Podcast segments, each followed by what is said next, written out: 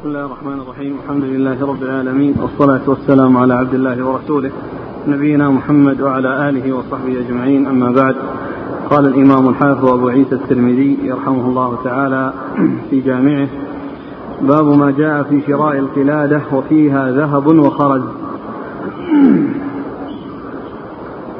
قال حدثنا قتيبة قال حدثنا الليث عن أبي شجاع سعيد بن يزيد عن خالد بن أبي عمران عن حنش الصنعاني عن فضالة بن عبيد رضي الله عنه أنه قال اشتريت يوم خيبر قلادة باثني عشر دينارا فيها ذهب وخرز ففصلتها فوجدت فيها أكثر من اثني عشر دينارا فذكرت ذلك للنبي صلى الله عليه وآله وسلم فقال لا تباع حتى تفصل. قال حدثنا قتيبة قال حدثنا ابن المبارك عن أبي شجاع سعيد بن يزيد بهذا الإسناد نحوه. قال أبو عيسى هذا حديث حسن صحيح والعمل على هذا عند بعض أهل العلم من أصحاب النبي صلى الله عليه وآله وسلم وغيرهم. لم يروا أن يباع السيف محلى أو منطقة مفضضة أو مثل هذا بدراهم حتى يميز ويفصل. وهو قول ابن المبارك والشافعي وأحمد وإسحاق. وقد رخص بعض أهل العلم في ذلك من أصحاب النبي صلى الله عليه وآله وسلم وغيرهم. بسم الله الرحمن الرحيم. الحمد لله رب العالمين وصلى الله وسلم وبارك على عبده ورسوله نبينا محمد وعلى آله وأصحابه أجمعين. أما بعد فيقول الإمام أبو عيسى الترمذي رحمه الله في جامعة باب في شراء القلادة من الذهب. فيها شراء القلادة وفيها ذهب وخرز باب في شراء القلادة وفيها ذهب وخرز. أي أي بالذهب. و والمقصود من هذه الترجمة أن أن أن الذهب إذا كان مع غيره فإنه لا يباع بالذهب إلا إذا فصل الذهب من غيره وعرف التساوي والتماثل بين المبيعين أو بين الشيء الذي حصل التبايع عليهما والخرز يكون له قيمة أخرى آه، وإنما الذهب يباع بذهب مثله. فإذا آه، اشتري قلادة فيها ذهب وغير ذهب بذهب فإن آه، الذهب إذا لم يحصل فيه التساوي فإنه لا يجوز. لكن لو اشتري بفضة فإن ذلك لا بأس به لأن شراء الذهب بالفضة مع التفاوت سائق.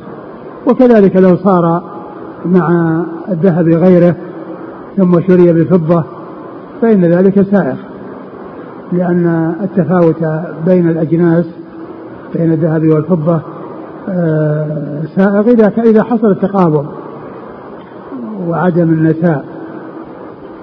فالمسألة مفروضة فيما إذا كان الذهب اشتري به قلادة فيها ذهب وغير ذهب.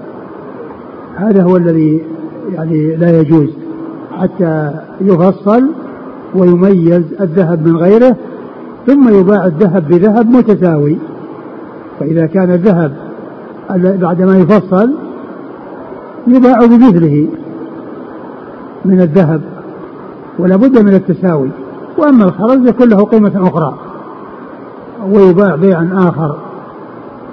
غير بيع الذهب بالذهب. وقد أورد أبو عيسى حديث فضاله بن عبيد رضي الله عنه أنه اشترى قلادة يوم خيبر يعني فيها ذهب بذهب ذهب بذهب قال اشتريت يوم خيبر قلادة ب 12 دينارا. نعم 12 دينارا يعني من ذهب. ثم فصلها وجدها تزيد على 12 دينار. فأخبر النبي صلى الله عليه وسلم فقال لا تباع يعني لا لا تباع حتى تفصل. يعني ويكون الذهب في مقابل الذهب بالتساوي والتماثل ويكون الخرز له قيمة أخرى. ويكون الخرز له قيمة أخرى. نعم. قال حدثنا قتيبة. قتيبة بن سعيد ثقة أخرجه أصحاب الكتب الستة. عن الليث عن الليث بن سعد المصري وهو ثقة أخرجه أصحاب الكتب الستة. عن أبي شجاع سعيد بن يزيد. عن أبي شجاع سعيد بن يزيد وهو ثقة أخرج له مسلم وأبو داود والترمذي والنسائي. مسلم وأبو داود والترمذي والنسائي. عن خالد بن أبي عمران. عن خالد بن أبي عمران وهو صدوق صدق مسلم وأبو داود والترمذي والنسائي. صدوق مسلم وأبو داود والترمذي والنسائي. عن حنش الصنعاني. عن حنش الصنعاني وهو ثقة أخرج له. مسلم وأصحاب السنن. مسلم وأصحاب السنن. عن فضالة فضالة بن عبيد رضي الله عنه أخرج له أصحاب كتب الستة. البخاري في المفرد ومسلم وأصحاب البخاري في المفرد ومسلم وأصحاب السنن. قال اشتريت يوم خيبر قلادة باثني عشر دينارا فيها ذهب وخرج ففصلتها فوجدت فيها أكثر من اثني عشر دينارا. فذكرت ذلك للنبي صلى الله عليه وسلم فقال لا تباع حتى تفصل. يعني معنى لا يجوز لا يجوز بيع الذهب آه، ومعه غيره بالذهب حتى يفصل الذهب المبيع من غيره ويميز ثم يباع الذهب بذهب مثله بحيث يكون التساوي والتماثل بين الذهب. وما زاد على ذلك من الخرز فإنه يكون له قيمة أخرى. نعم.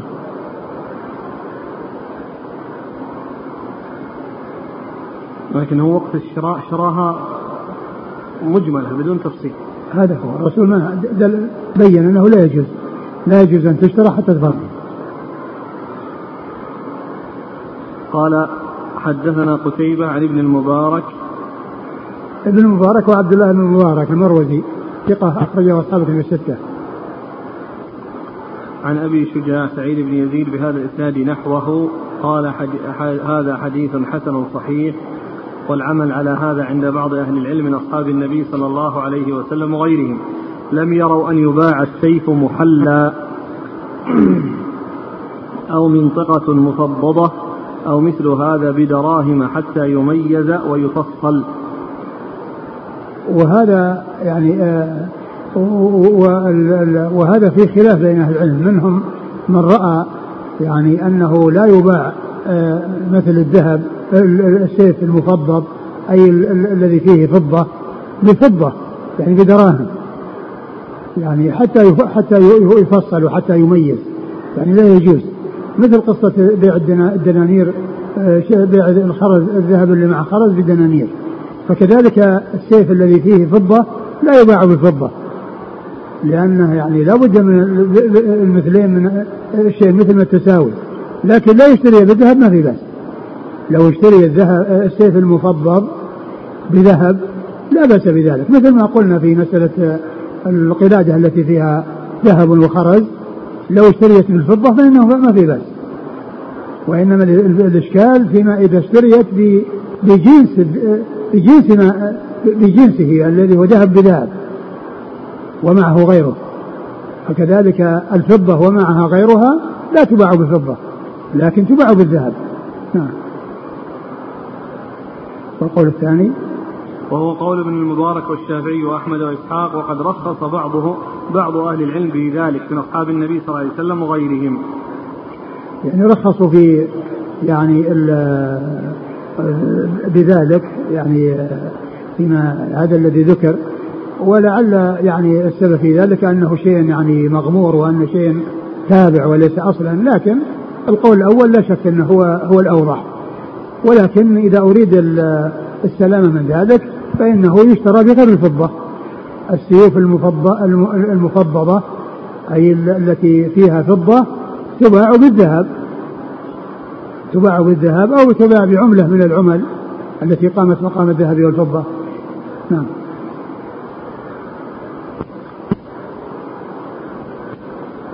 نعم وش وش اللي أظهر من القولين؟ الذي يظهر الأول. نعم. طيب يقول هذا السائل هل المقصود بالفصل الفصل الحسي بين الذهب والخرج؟ أم المقصود معرفة معرفة قيمة الذهب كم يساوي؟ والخرج كم يساوي؟ هو أصلا لا يعرف إلا إذا فصل. لأن ما دامها قلادة متصل بعضها ببعض ما يمكن يوزن آه، الذهب منفصل عن الخرج. لأنه يوجد الآن يقول بعض الحلي يكون عليه فصوص وموثقة به. كيف فصلها؟ يعني تشترى بغير الذهب تشترى بعملة ثانية غير العملة التي غير النوع الذي فيه يعني إذا كان ذهب يشترى بفضة وإذا كان فضة يشترى بذهب.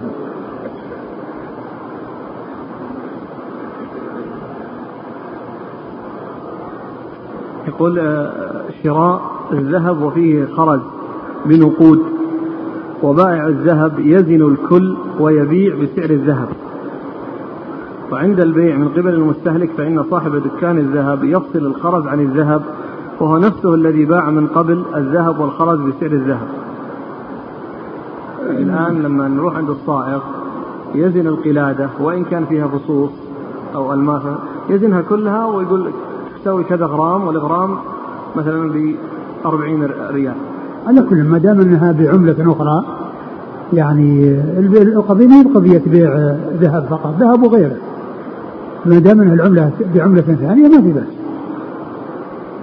سواء كان باع بالوزن واعتبر يعني الكل يعني مثل ذهب واعتبر الكل آه، خرز النتيجة واحدة. لكن هو يقول إنها الطريقة في البيع. لما يجي يبيع يبيع الجميع بسعر غرامات الذهب. ما شيء هو هو هو أقول ما دام إنه هو هو ما شرى ذهب هو شرى ذهب وغير ذهب. لكن هذا هذا الموجود يعني آآ آآ وزنه كذا ومقداره كذا واشتراه بعملة أخرى ما هو عملة بالذهب. إنه بعملة أخرى ما في إشكال. وسواء كانت القيمة للذهب وذاك تبع أو لهما جميعا يعني آه، ما في إشكال. ما الإشكال فيما إذا كان في العملة أو في النقود التي آه، فيها آه، يعني في القلادة من جنسها. هذا هو الإشكال. أما إذا جاء في شيء آخر وسواء كانت القيمة مرتفعة أو منخفضة ما في إشكال. قال آه لم يروا أن يباع السيف محلى أو منطقة مفضضة يعني محلا بالفضة. السؤال عن نفس هذا العمل وضع الذهب أو الفضة على السلاح أو على الحزام. هذا فيه آه، يعني خلاف بين أهل العلم. منهم من قال أن هذا من جنس استعمال أما الذهب لا يجوز. أما كونه يصير بالفضة فهذا مثل الخاتم كون الإنسان يتعلق بالخاتم أو أن السيوف يصير فيها فضة ويعني هذا جاء عن الصحابة أنهم كانوا يتخذون السيوف يعني محلاة بالفضة. وأما الذهب هو الذي لا يجوز لأن الرجال يستعملون الفضة ولا يستعملون الذهب. قال رحمه الله تعالى باب ما جاء في اشتراط الولاء والزجر عن ذلك. قال حدثنا محمد بن بشار قال حدثنا عبد الرحمن بن مهدي قال حدثنا سفيان عن منصور عن إبراهيم عن الأسود عن عائشة رضي الله عنها أنها أرادت أن تشتري بريرة فاشترطوا الولاء فقال النبي صلى الله عليه وسلم اشتريها فإنما الولاء لمن أعطى الثمن أو لمن ولي النعمة. قال وفي الباب عن ابن عمر رضي الله عنهما قال أبو عيسى حديث عائشة حديث حسن صحيح والعمل على هذا عند أهل العلم. قال ومنصور بن المعتمر يكنى أبا عتاب. قال حدثنا أبو بكر العطار البصري عن ابن المديني قال سمعت يحيى بن سعيد يقول إذا حدثت عن منصور فقد ملأت يدك من الخير لا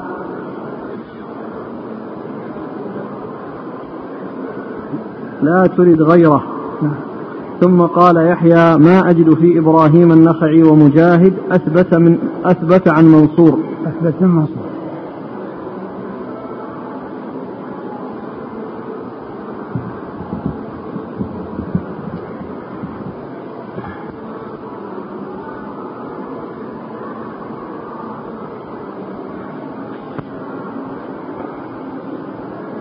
قال يحيى ما أجد في إبراهيم النخعي ومجاهد أثبت من منصور.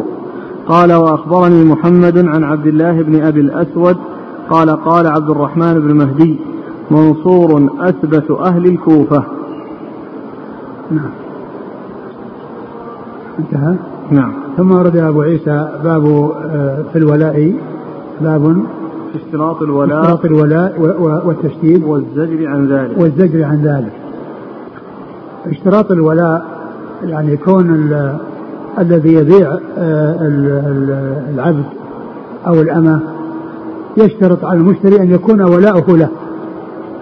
يعني يكون ولاؤه له بمعنى أنه هو الذي يرثه لو مات ولم يكن له وارث من النسب لأن الولاء يأتي بعد النسب في الميراث.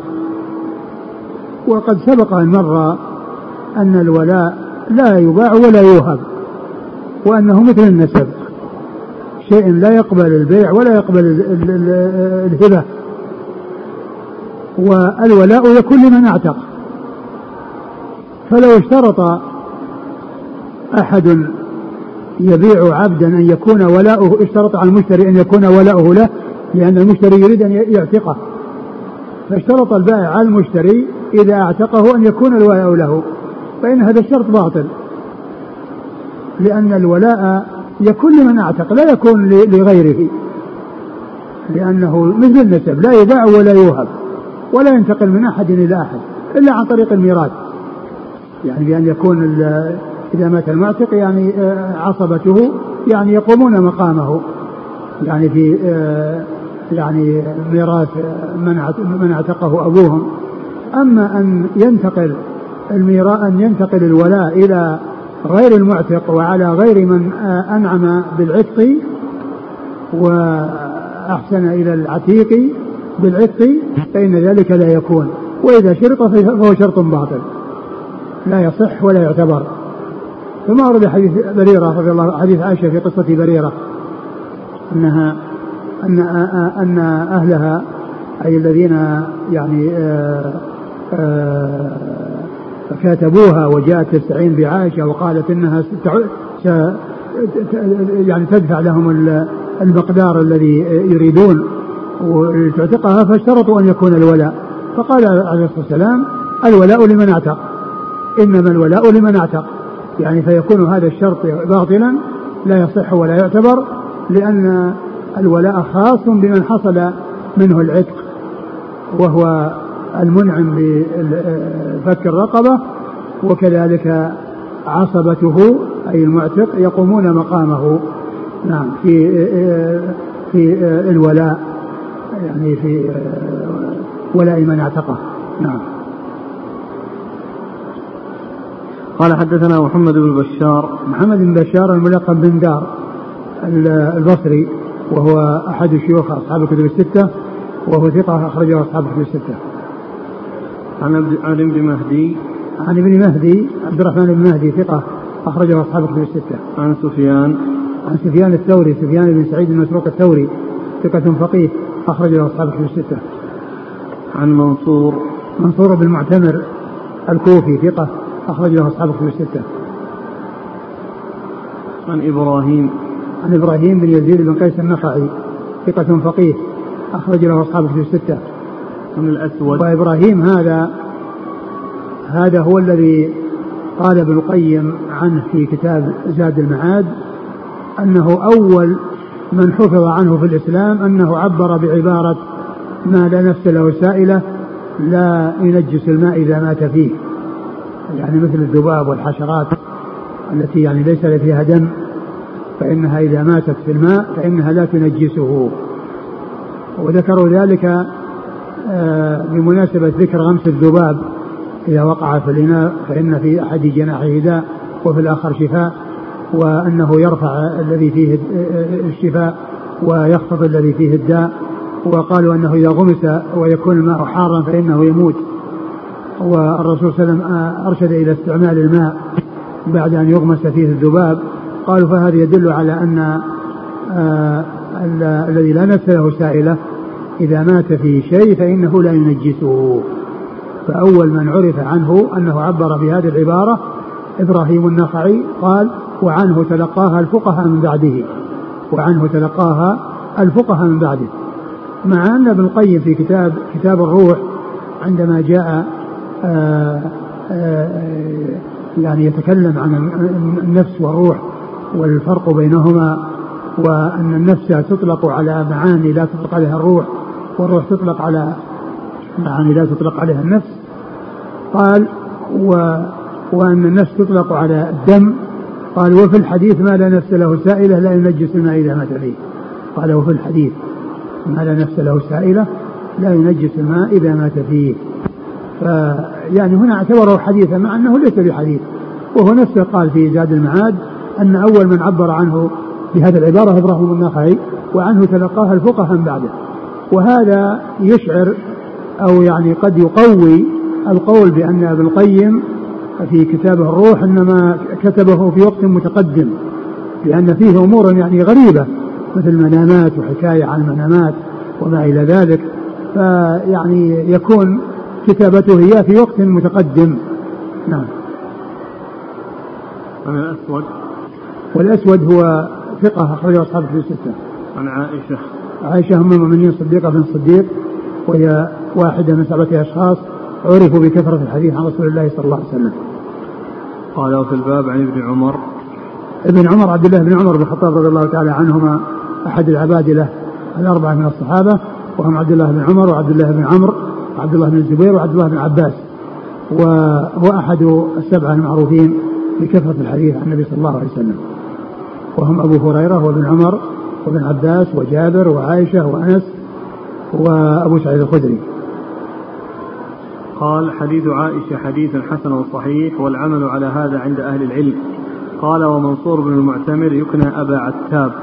يعني هذا الكلام الذي جاء كله لما كان منصور المعتمر جاء في الإسناد أراد أن يبين يعني شيئا من منزلته ومن باقي فيه وقال إنه يكنى أبا عتاب.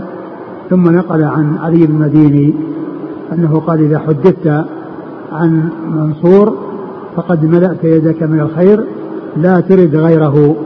يعني أنه آه، إذا بلغ الحديث عنه ووصل إليك عنه فاستمسك به فإنك ظفرت بخير آه، يكفيك آه، أن تأخذ عنه ولا تحتاج إلى أن تبحث يعني عن شيء يقويه فإنه كاف بأن يعول عليه. نعم. قال. قال حدثنا أبو بكر العطار البصري. أبو بكر العطار البصري. وجدت له ترجمة. نعم. إيش يقول؟ عبد القدوس بن محمد صدوق. نعم. عبد القدوس بن محمد. نعم عبد القدوس بن محمد. نعم. صدوق صدوق البخاري والترمذي والنسائي بن ماجه. صدوق أخرج البخاري. الترمذي والترمذي والنسائي والنسائي وابن ماجه. عن ابن المديني عن المديني علي بن المديني علي بن عبد الله المديني وهو ثقة أخرج له البخاري ومسلم في المقدمة. أخرجه. البخاري وأبو داود. البخاري وأبو داود والترمذي والنسائي وابن ماجه في التفسير. قال سمعت يحيى بن سعيد. يحيى بن سعيد القطان وهو ثقة أخرجه أصحاب في الستة. يقول إذا حدثت عن منصور فقد ملأت يدك من الخير لا ترد غيره. ثم قال يحيى ما أجد في إبراهيم النخعي ومجاهد أثبت من منصور. نعم. قال وأخبرني محمد عن عبد محمد هو البخاري. محمد بن إسماعيل البخاري نعم. عن عبد الله بن أبي الأسود. عن عبد الله بن أبي الأسود هو؟ ثقة أخرج البخاري وأبو داود والترمذي. ثقة أخرج البخاري وأبو داود والترمذي. قال عبد الرحمن بن مهدي منصور أثبت أهل الكوفة. نعم. يقول السائل ما السبب في ذكر الترمذي منصور هنا مع أنه مر علينا مرارا؟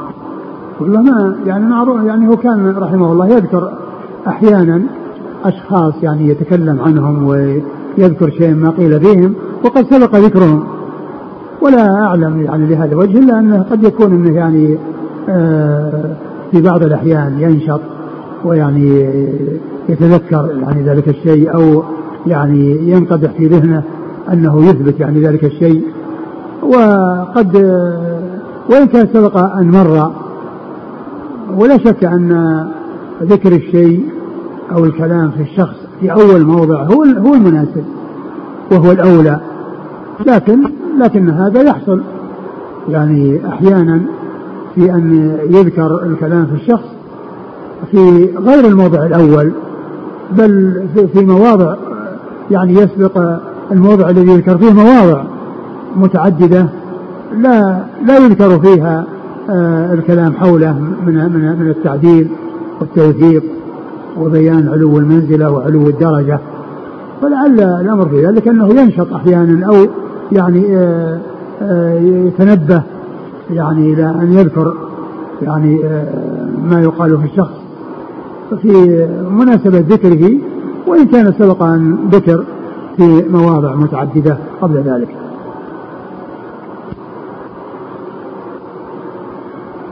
يقول وما الذي جعل الترمذي يسوق كلام الأئمة فيه وهو معروف بالإمامة في هذا الفن؟ اللي هو الترمذي؟ يعني كلامه على منصور. منصور إمام. هل هناك أحد من قدح فيه حتى يحتاج إلى ذكر؟ وسوق هذا الكلام؟ لا ليس ليس بلازم وإنما يبين علو المنزلة وعلو الدرجة وإن لم يكن هناك قدح فيه. يقول السائل إذا كان الاشتراط كما في حديث عائشة في شراء بريرة لا يصح. فلماذا قال النبي صلى الله عليه وسلم اشتريها؟ يعني اشتريها يعني آآ آآ لأنها تريد أن تعتقها والولاء لمن اعتق ومن اشترط الولاء فإنه اشترط شيئا لا يجوز. ولهذا جاء في نفس الحديث أنه قال كل شرط ليس في كتاب الله فهو باطل وإن كان مئة شرط. وقد ذكره بمناسبة العتق هذا. عتق بريرة.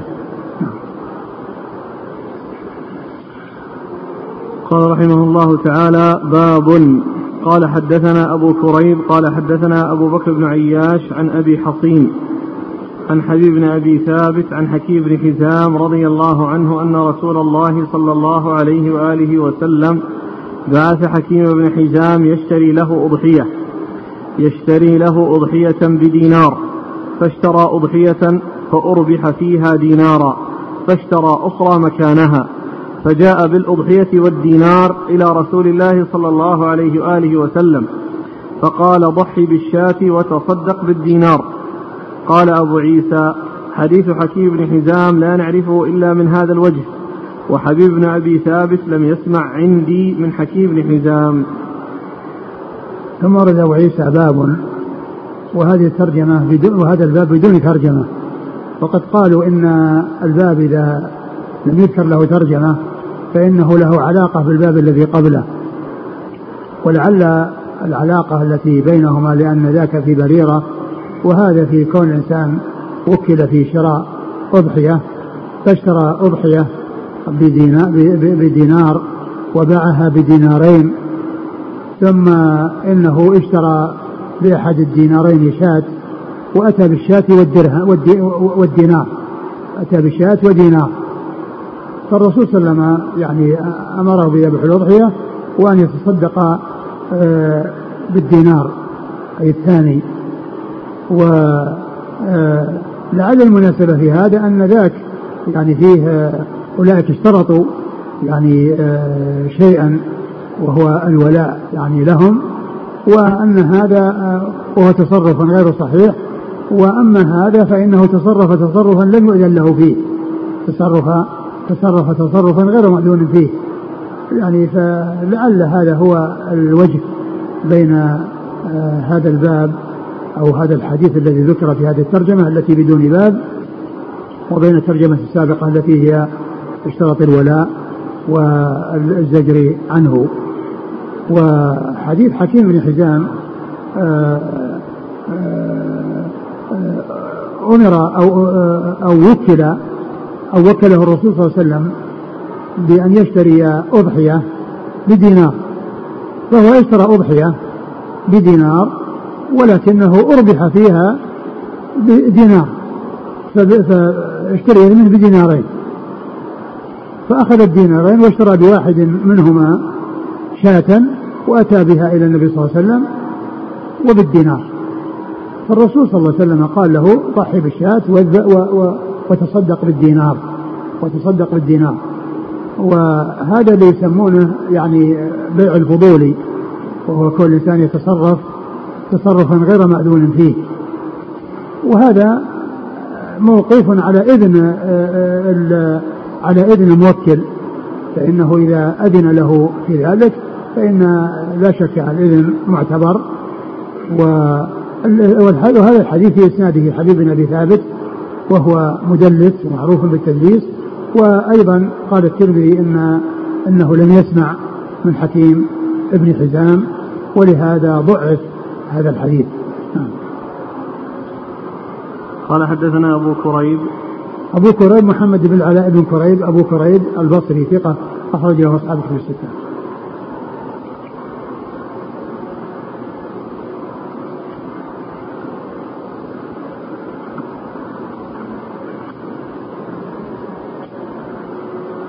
كوفي. نعم. كوفي. كوفي الكوفي نعم. عن أبي بكر بن عياش. عن أبي بكر بن عياش وهو ثقة أخرجه البخاري ومسلم في المقدمة وأصحاب السنة. عن أبي حصين. عن أبي حصين وهو عثمان بن عاصم. بن عاصم وهو ثقة أخرج أصحاب الكتب. أخرج أخرجه أصحاب الكتب الستة. عن حبيب بن أبي ثابت. عن حبيب بن أبي ثابت وهو ثقة أخرجه أصحاب الكتب الستة. عن حكيم بن حزام. حكيم بن حزام صحابي أخرج له أصحاب الكتب الستة. قال أبو عيسى حديث حكيم بن حزام لا نعرفه إلا من هذا الوجه وحبيب بن أبي ثابت لم يسمع عندي من حكيم بن حزام. قال حدثنا أحمد بن سعيد الدارمي قال حدثنا حبان وهو ابن هلال أبو حبيب البصري. قال حدثنا هارون الأعور المقرئ وهو ابن موسى القارئ. قال حدثنا الزبير بن الخريت عن أبي لبيد عن عروة البارقي رضي الله عنه أنه قال دفع إلي رسول الله صلى الله عليه وآله وسلم دينارا لأشتري له شاة فاشتريت له شاتين فبعت, فبعت إحداهما بدينار وجئت بالشاة والدينار إلى النبي صلى الله عليه وسلم فذكر له ما كان من أمره فقال له بارك الله لك في صفقة يمينك. فكان يخرج بعد ذلك إلى كناسة الكوفة فيربح الربح العظيم فكان من أكثر أهل الكوفة مالا. قال حدثنا أحمد بن سعيد الدارمي قال حدثنا حبان قال حدثنا سعيد بن زيد هو أخو حماد بن زيد. قال حدثنا الزبير بن خريف فذكر نحوه عن أبي لبيد. قال أبو عيسى قد ذهب بعض أهل العلم إلى هذا الحديث وقالوا به وهو قول أحمد وإسحاق. ولم يأخذ بعض أهل العلم بهذا الحديث منهم الشافعي وسعيد بن زيد أخو حماد بن زيد وأبو لبيد اسمه لما لمازة بن زبار. انتهى؟ نعم. ثم أورد أبو عيسى حديث عروة البارقي عروة بن جعد البارقي رضي الله عنه أن النبي صلى الله عليه وسلم أعطاه دينارا يشتري به شاة فاشترى شاتين بدينار وباع إحداهما بدينار فأتى إلى النبي صلى الله عليه وسلم بالشاة والدينار. فدعا له النبي صلى الله عليه وسلم وقال بارك الله لك في صفقتك. نعم. بارك الله لك في صفقة يمينك. صفقة يمينك. فكان فكان يعني آه، بارك الله له في هذه الدعوة. فكان يذهب إلى كناسة الكوفة يعني محل البيع والشراء فيشتري فأثرى وصار من أكثر أهل الكوفة مالا في بيعه وشرائه بعد أن دعا له الرسول صلى الله عليه وسلم بهذه الدعوة المباركة. وقد ذهب يعني بعض أهل العلم إلى يعني آه ما جاء في هذا الحديث. يعني فيما إذا أقر أو وافق الموكل على تصرف الوكيل فإنه ينفذ. نعم. قال حدثنا أحمد بن سعيد الدارمي. أحمد بن سعيد الدارمي هو ثقة أخرج له أصحاب الكتب إلا النسائي. أصحاب الكتب إلا النسائي. عن حبان وهو حبان بن هلال. ثقة. حبان هو بن هلال. نعم. حبان هو بن هلال. وهو ثقة. آه، هنا كلمة حبان هو بن هلال لأن آه، التلميذ الذي روى عنه وهو أحمد بن سعيد الدائمي ما زاد على كلمة حبان. والذي دون أحمد بن سعيد وهو الترمذي أو من دون الترمذي هم الذين ذكروا ابن آه، ذكروا والده ولكنهم ولكنه أتي بكلمة هو حتى يعلم أن هذه الزيادة ليست من التلميذ وإنما هي من دون التلميذ. ولو قال حبان بن هلال لفهم أن التلميذ هو الذي ذكر ذكره وذكر نسبه لكن لما كانت الزيادة من من دونه أتوا بعبارة تدل عليها وتشعر أنها ليست من التلميذ. وهذه من دقة المحدثين وعنايتهم بالمحافظة على الألفاظ وأنهم يأتون بألفاظ الرواة كما كانت. وإذا أرادوا أن يزيدوا شيئا للتوضيح يأتون بعبارة تدل على ذلك. وعلى هذا قول كلمة هو هذه من الترمذي أو من دون الترمذي وليست من أحمد بن سعيد لأن أحمد بن سعيد يعني يذكر شيخه كما يريد قد يذكره باسمه فقط كما هنا وقد يطيل في نسبه وقد يذكر نسبه ويطول فيه لكن من دونه لا يزيد على ما ذكره التلميذ وإن زاد شيئا فإنه يأتي بكلمة هو. أو يعني كلمة هو أو يعني. عن هارون الأعور. هارون الأعور هو ثقة أخرجه أصحاب الكتب إلا ابن ماجه. ثقة أخرجه أصحاب الكتب إلا ابن ماجه. عن الزبير بن الخريت عن الزبير بن الخريت وهو ثقة أخرجه أصحاب الكتب إلا النسائي. إلا النسائي. عن أبي لبيد. عن أبي لبيد وهو لماذا؟ وهو صدوق أخرجه أبو داود والترمذي وابن ماجه. صدوق أخرجه أبو داود والترمذي وابن ماجه. عن عروة البارقي. عروة البارقي رضي الله عنه أخرجه أصحاب الكتب الستة. قال دفع إلي رسول الله صلى الله عليه وسلم دينارا لأشتري له شاة فاشتريت له شاتين فبعت إحداهما بدينار وجئت بالشاة والدينار إلى النبي صلى الله عليه وسلم فذكر له ما كان من أمره فقال له بارك الله لك في صفقة يمينك. فكان يخرج بعد ذلك إلى كناسة الكوفة فيربح الربح العظيم. فكان من أكثر أهل الكوفة مالا. كناسة كناسة مكان يعني للبيع البيع والشراء. قال حدثنا أحمد بن سعيد الدارمي قال حدثنا حبان قال حدثنا سعيد بن زيد هو أخو حماد بن زيد.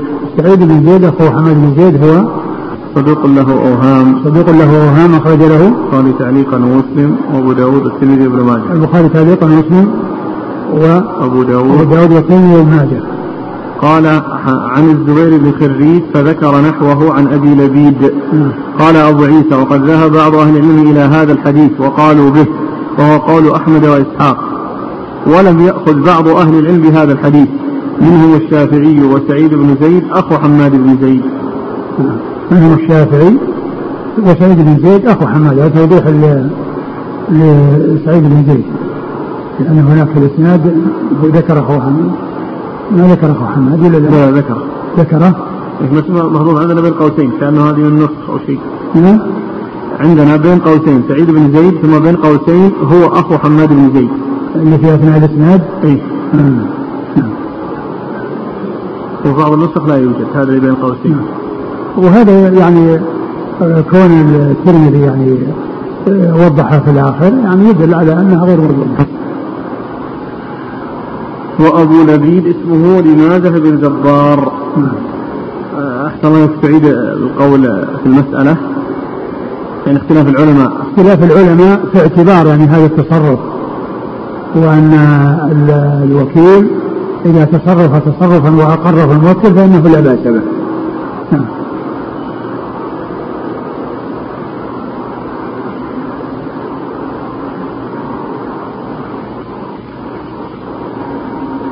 رحمه الله تعالى باب ما جاء في المكاتب إذا كان عنده ما يؤدي. قال حدثنا هارون عبد الله البزاز قال حدثنا يزيد بن هارون قال أخبرنا حماد بن سلمة عن أيوب عن عكرمة عن ابن عباس رضي الله عنهما عن النبي صلى الله عليه وآله وسلم أنه قال إذا أصاب المكاتب حدا أو ميراثا ورث بحساب ما عتق منه وقال النبي صلى الله عليه وسلم يؤدي المكاتب بحصة ما أدى دية حر. وقال وقال؟ وقال النبي صلى الله عليه وسلم يؤدي المكاتب بحصة ما أدى دية حر. في همزة عندك؟ أو يودع همزة همزة على همزة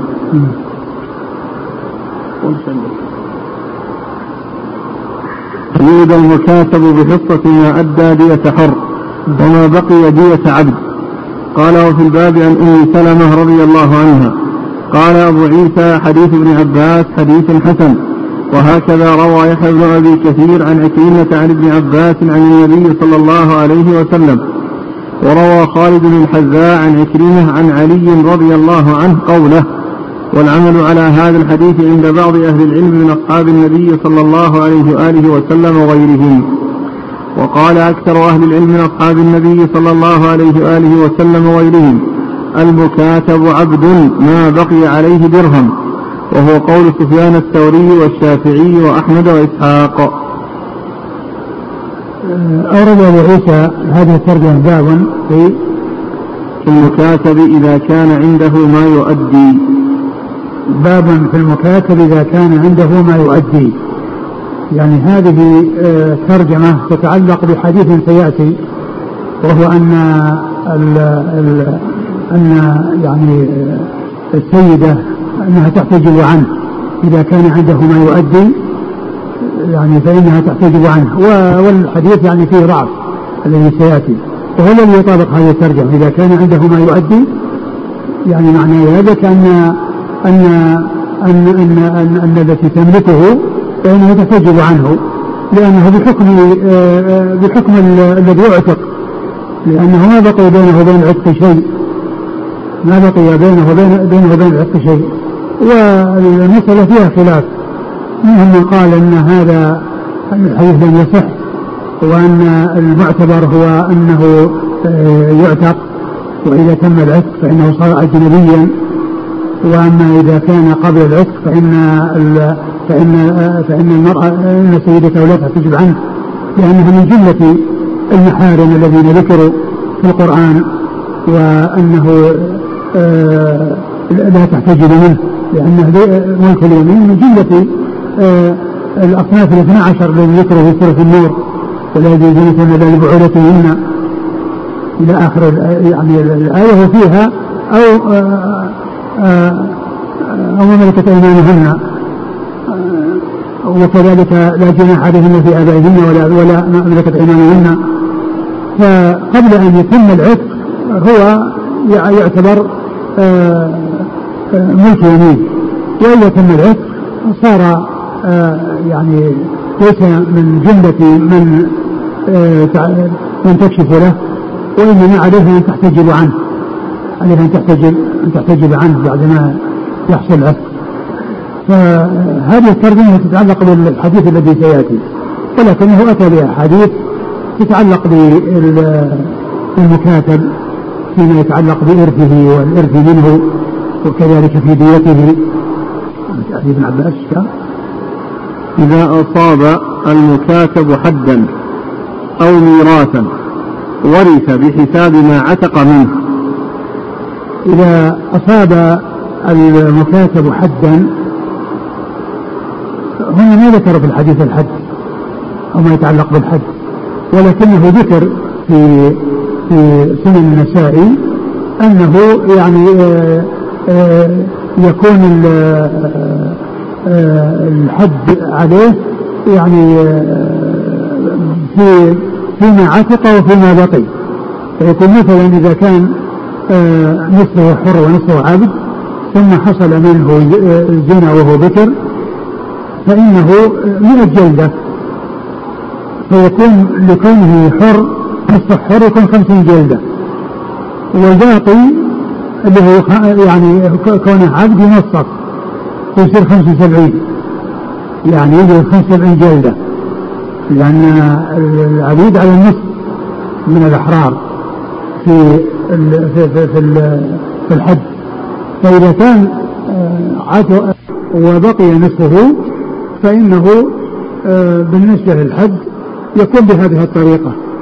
وإذا كان فيما يتعلق بالميراث فإنه يرث بقدر ما فيه من الحرية. وإذا جني عليه فإنه آه، يعني يكون نصفه دية حر والباقي يكون نصف القيمة يعني نصف يعني قيمته التي يقوم لأن لأن العبد يقوم ولكنه فيما عتق منه يعتبر حر فيعامل معاملة الأحرار فيكون نصف الدية يعني نصف الشيء الذي يعني يرث بمقدار ما عنده من الحرية و وفيما يتعلق بالجناية عليه فإنه يعني يكون نصف دية يعني حر وكذلك أيضا يكون نصف الباقي نصف قيمته نصف قيمته. نعم. إيش قال؟ إذا أصاب المكاتب حدا نعم. أو ميراثا نعم. ورث بحساب ما عتق منه. نعم. ورث بحساب ما عتق منه. يعني اللي هو النصف مثلا إذا كان نصف نعم. لكن أحسن الله إليك هذا الحد إذا كان يعني يمكن يقسم. لكن مثلا أصاب حد سرق, سرق. ما يمكن تقطع يده. تقطع يده؟ هو بعد ما سرق. لا هو كما هو معلوم الذي يقبل التنصيف يعني حتى حتى ال حتى ال لو كان محصنا فإنه لا يرجم لأنه الرجم لا ينصف. وإنما الذي ينصف هو الجلد.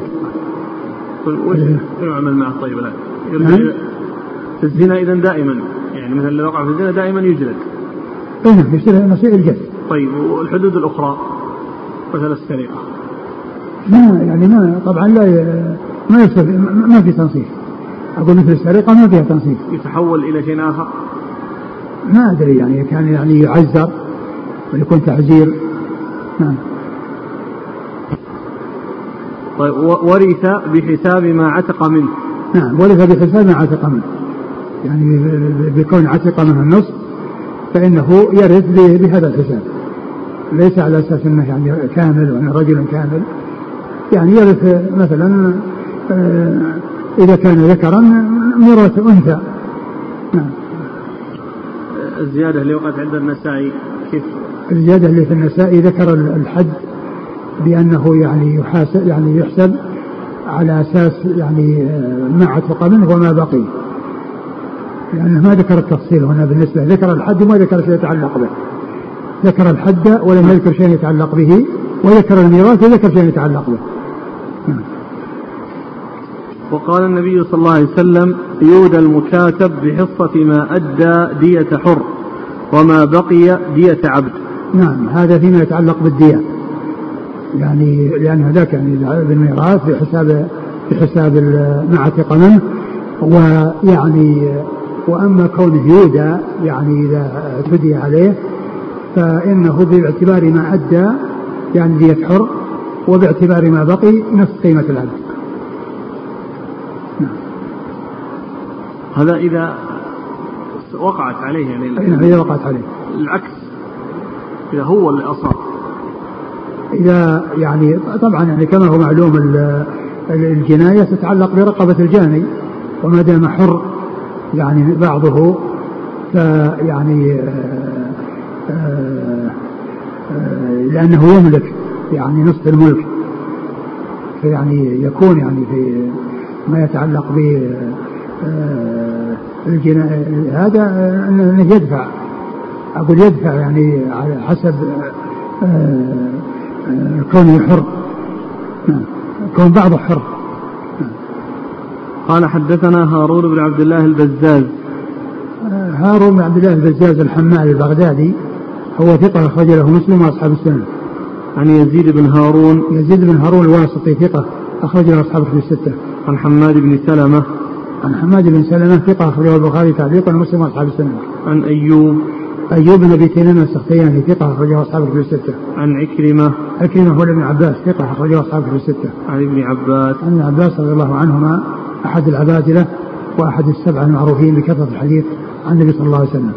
قال وفي الباب عن أم سلمة أم سلمة هي هند بنت أبي أمية أم المؤمنين رضي الله عنها أخرج حديثها أصحاب في الستة. قال أبو عيسى حديث ابن عباس حديث حسن وهكذا روى يحيى بن أبي كثير يحيى بن أبي كثير اليمامي وهو ثقة أخرجه أصحاب في الستة. عن عكرمة عن ابن عباس عن النبي صلى الله عليه وسلم وروى خالد الحذاء خالد بن مهران الحذاء ثقة أخرجه أصحاب في الستة. عن عكرمة عن علي قوله. عن علي بن أبي طالب رضي الله عنه أمير المؤمنين ورابع الخلفاء الراشدين الهادي المهديين صاحب المناقب الجمة والفضائل الكثيرة وحديثه عند أصحاب الكتب الستة يعني فيكون يعني جاء عن علي من قوله نعم والعمل على هذا الحديث عند بعض أهل العلم من أصحاب النبي صلى الله عليه وسلم وغيرهم. وقال أكثر أهل العلم من أصحاب النبي صلى الله عليه وسلم وغيرهم المكاتب عبد. وهذا يعني المسألة خلافية يعني من جهة أن يعني الكلام الذي راح هو يكون في المبعض الذي نصفه حر ونصفه عبد يستقيم الكلام الذي مضى في المبعض. وأما المكاتب ففيه خلاف منهم من قال إنه يعامل معاملة المبعض ومنهم من يقول إنه عبد ما بقي عليه درهم كما جاء في الحديث عن النبي صلى الله عليه وسلم وأنه آه يعني المكاتب آه لا يزال يعني في العبودية حتى يعني يتم عتقه بأن يأتي بكل الشيء الذي كتب عليه. فإذا العلماء اختلفوا منهم من قال بأن المكاتب يعامل هذه المعاملة وأن مقدار ما أدى يعني كأنه يعتق يعتق وأنه يعامل معاملة آه، آه، الذي عتق. ومنهم من قال إنه ما دام أنه لم يسدد النجوم التي عليه كلها فإنه لا يزال عبد. وقد جاء في الحديث عن النبي صلى الله عليه وسلم أنه قال المكاتب عبد ما بقي عليه درهم. نعم.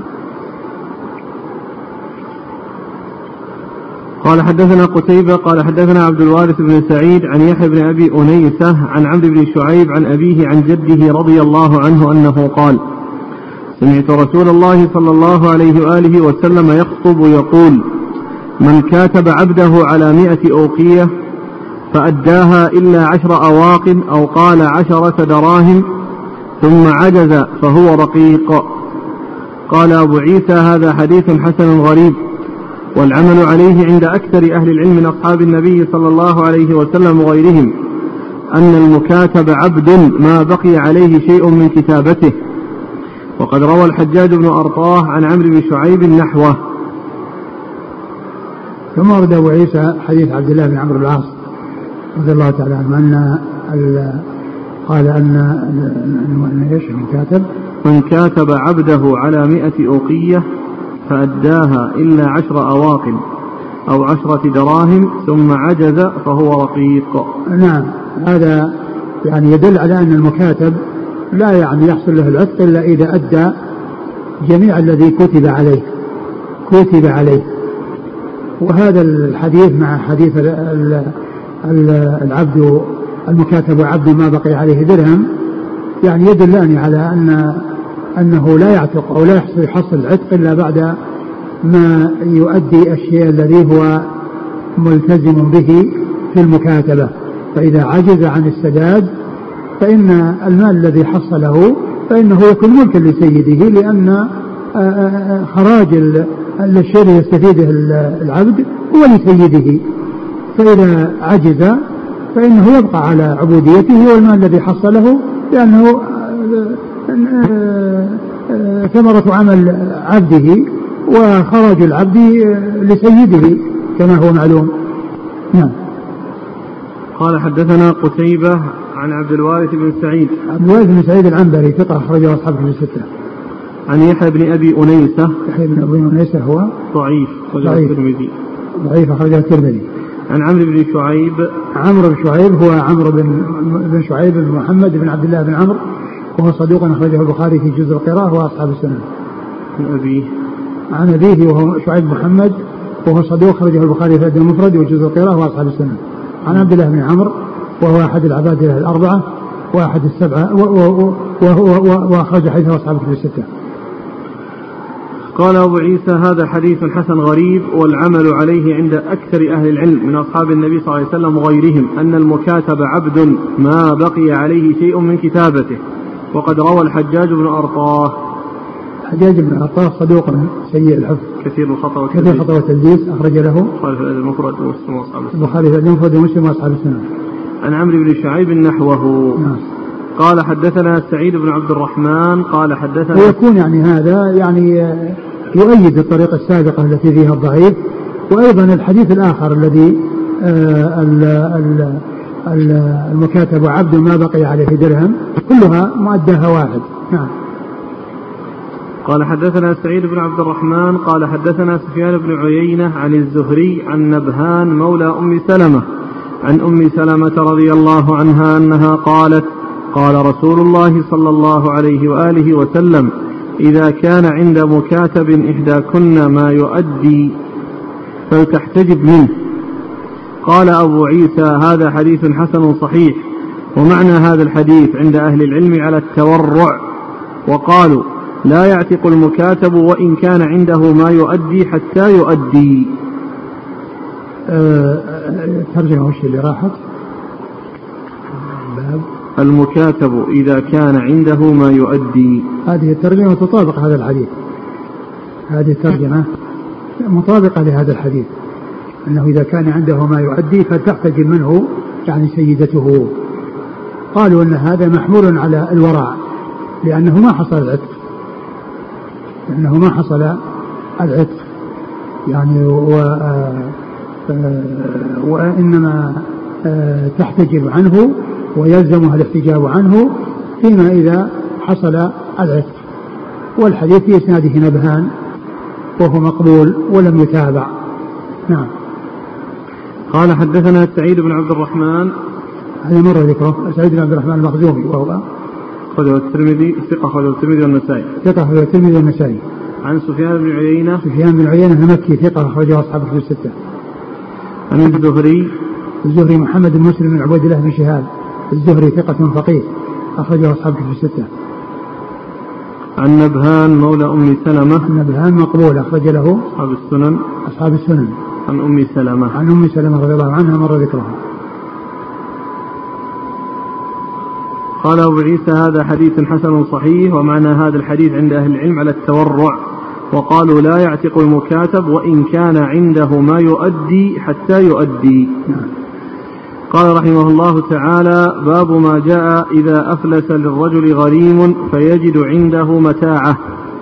قال حدثنا قتيبة قال حدثنا الليث عن يحيى بن سعيد عن أبي بكر بن محمد بن عمرو بن حزم عن عمر بن عبد العزيز عن أبي بكر بن عبد الرحمن بن الحارث بن هشام عن أبي هريرة رضي الله عنه عن رسول الله صلى الله عليه وآله وسلم أنه قال عن أبي هريرة رضي الله عنه عن رسول الله صلى الله عليه وسلم أنه قال أيما امرئ أسلف ووجد رجل سلعته عنده بعينها. أي أيما؟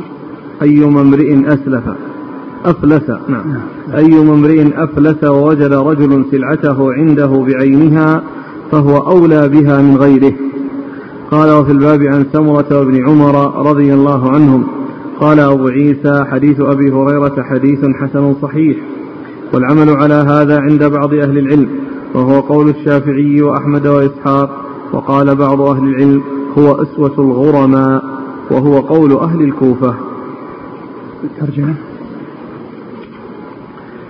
إذا أفلس للرجل غريم فيجد عنده متاعة. إذا أفلس للرجل غريم فيجد عنده متاعة.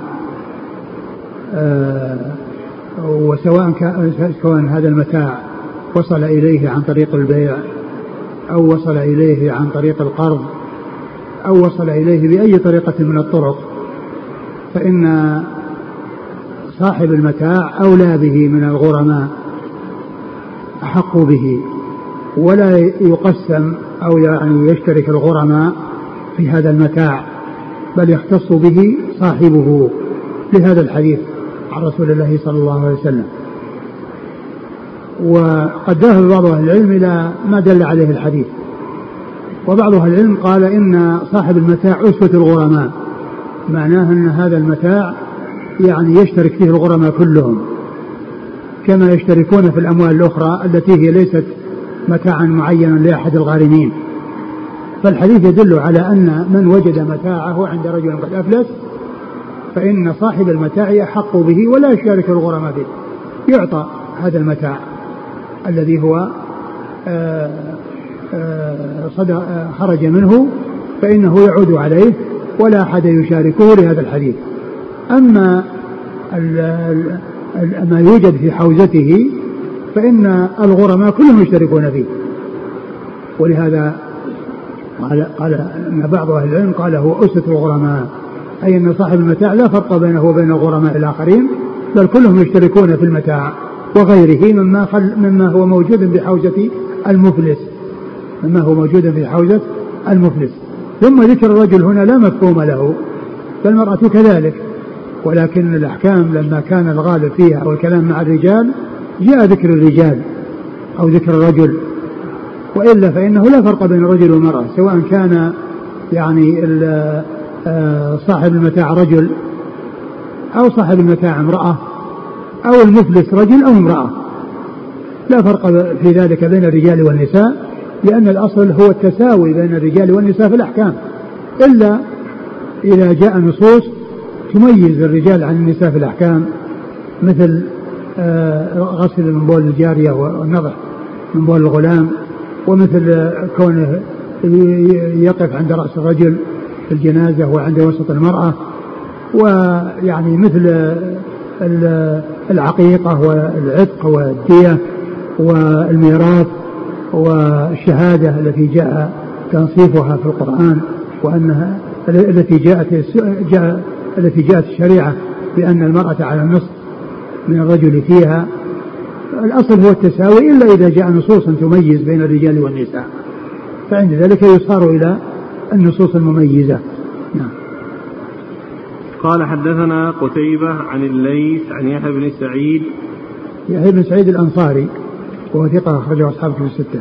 عن أبي بكر بن محمد بن عمرو بن حزم وهو ثقة أخرجه أصحاب في الستة. عن عمر بن عبد العزيز وهو ثقة أخرجه أصحاب في الستة. عن أبي بكر بن عبد الرحمن وهو ثقة أيضا أخرجه أصحاب أصحاب عن أبي هريرة عن أبي هريرة رضي الله عنه عبد الرحمن بن صخر الدوسي أكثر الصحابة حديثا عن الإطلاق.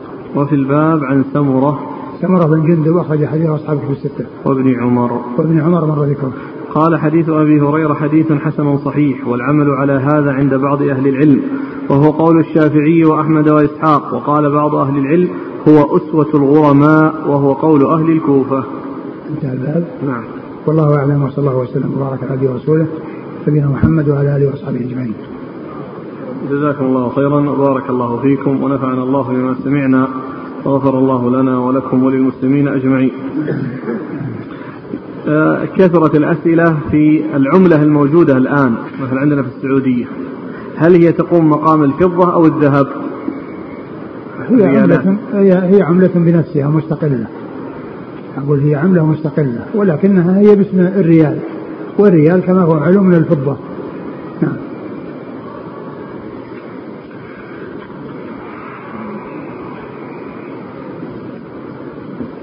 يقول سبق أن تحدثت كان في سؤال عن السلم في الحيوان. هل يقع؟ يقول آه، ذكر ابن قدامة في المغني في المجلد السابع أن السلم في الحيوان قال به جماعة من السلف من الصحابة وغيرهم كابن مسعود وابن عمر ومن التابعين ابن المسيب وهو مذهب الشافعي والأوزاعي والشعبي وغير هؤلاء ونقل عن ابن المنذر أنه قول آه أن أنه قول هؤلاء الذين ذكروا وغيرهم وقالوا إذا ضبط الجنس والعدد فإنه جائز وهو قول الإمام أحمد ومنعه بعض العلماء وهو وهم الأحناف. منع جمهور العلماء على القول به. نعم. يقول إذا أعطيت شخصا ليبيع لي سلعة بثمن معين فباعها هو بأكثر من ذلك الثمن. فهل له أن يأخذ الزيادة وإن لم يخبرني؟ لا ليس له ذلك.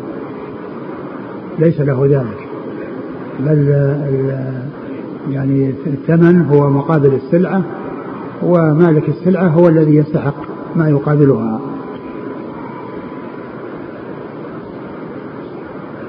وبالعكس لو أعطاني رجل ثمنا معين لأشتري له سلعة فساومت البائع حتى اشتريتها بأقل من المعتاد فهل لي أن آخذ الباقي دون أن أخبر لا ليس له ذلك. يقول إذا كانت الساعة مطلية بذهب طلاء يسير فهل تحل, تحل للرجال؟ لا ما يجوز. سماع للذهب للرجال مطلقا أحسن الله إليكم وجزاكم الله خيرا. سبحانك اللهم وبحمدك أشهد أن لا إله إلا أنت